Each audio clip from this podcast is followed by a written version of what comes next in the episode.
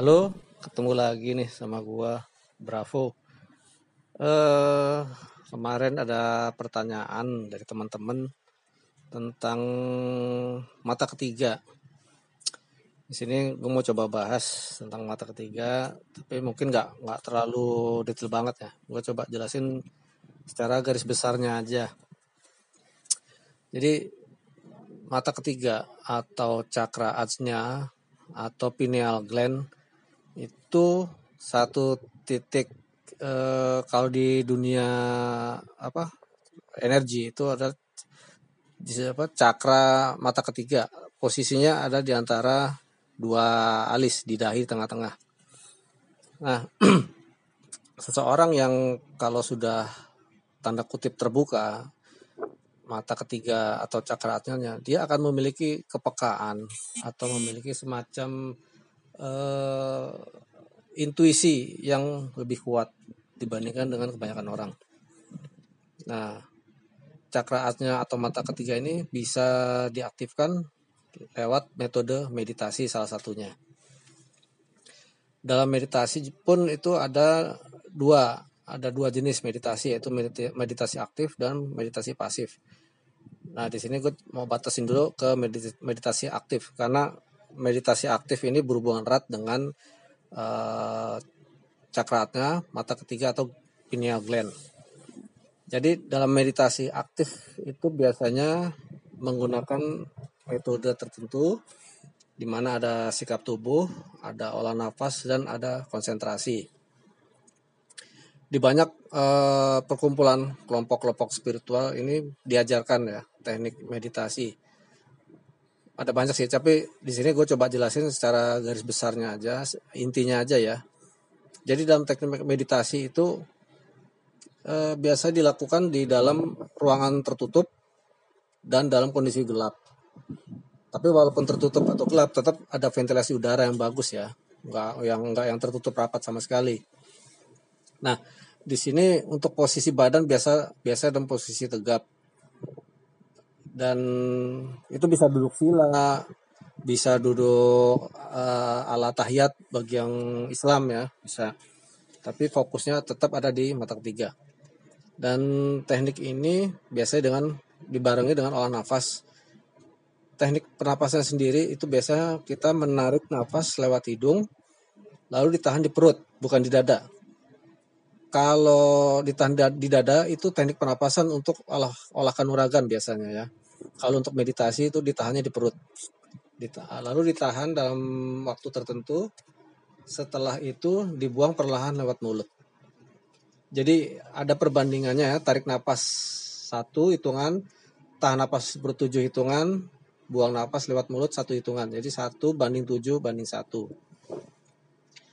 Kalau dalam Eh, Islam untuk membantu hitungan itu bisa pada saat tarik nafas sekali tahan di perut itu bisa dengan membaca Al-Fatihah.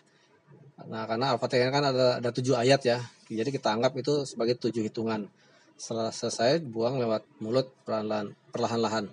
Nah, ini untuk teknik penapasan. Lalu untuk posisi badan sendiri itu uh, badan tegap, nggak boleh apa menekuk atau bengkok atau miring ya. Ya posisi tegap, lurus. Boleh posisi bersila, boleh posisi duduk tahiyat atau tafakur. Lalu ada selain itu ada satu lagi itu teknik apa untuk fokus ya.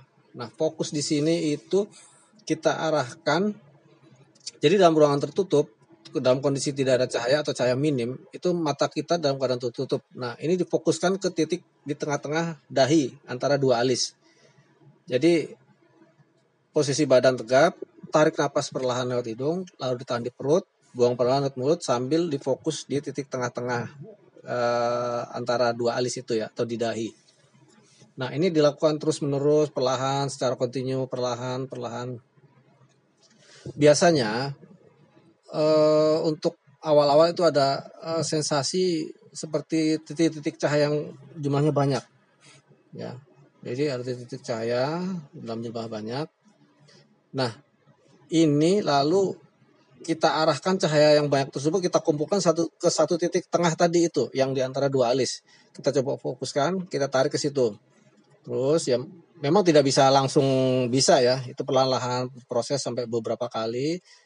sampai nanti akan ada eh, cahaya ini akan berkumpul di satu titik dan ini fenomena ini akan akan muncul ya cahaya berwarna-warni jadi ada yang bisa ada yang melihat itu berupa cahaya putih cahaya orange cahaya ungu bahkan cahaya hitam juga bisa kelihatan nah ini diarahkan ke situ terus terus terus nah nanti untuk selanjut ke depan selanjutnya ke depannya ini tergantung dari kapasitas orang masing-masing karena setiap orang kan berbeda-beda ya.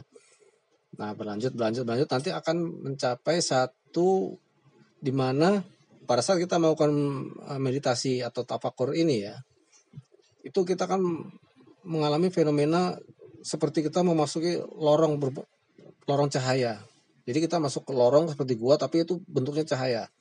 Masuk ke tengah-tengah terus ke dalam ya. Nah, cuman di sini saya nggak nggak akan membahas lebih jauh tentang ini.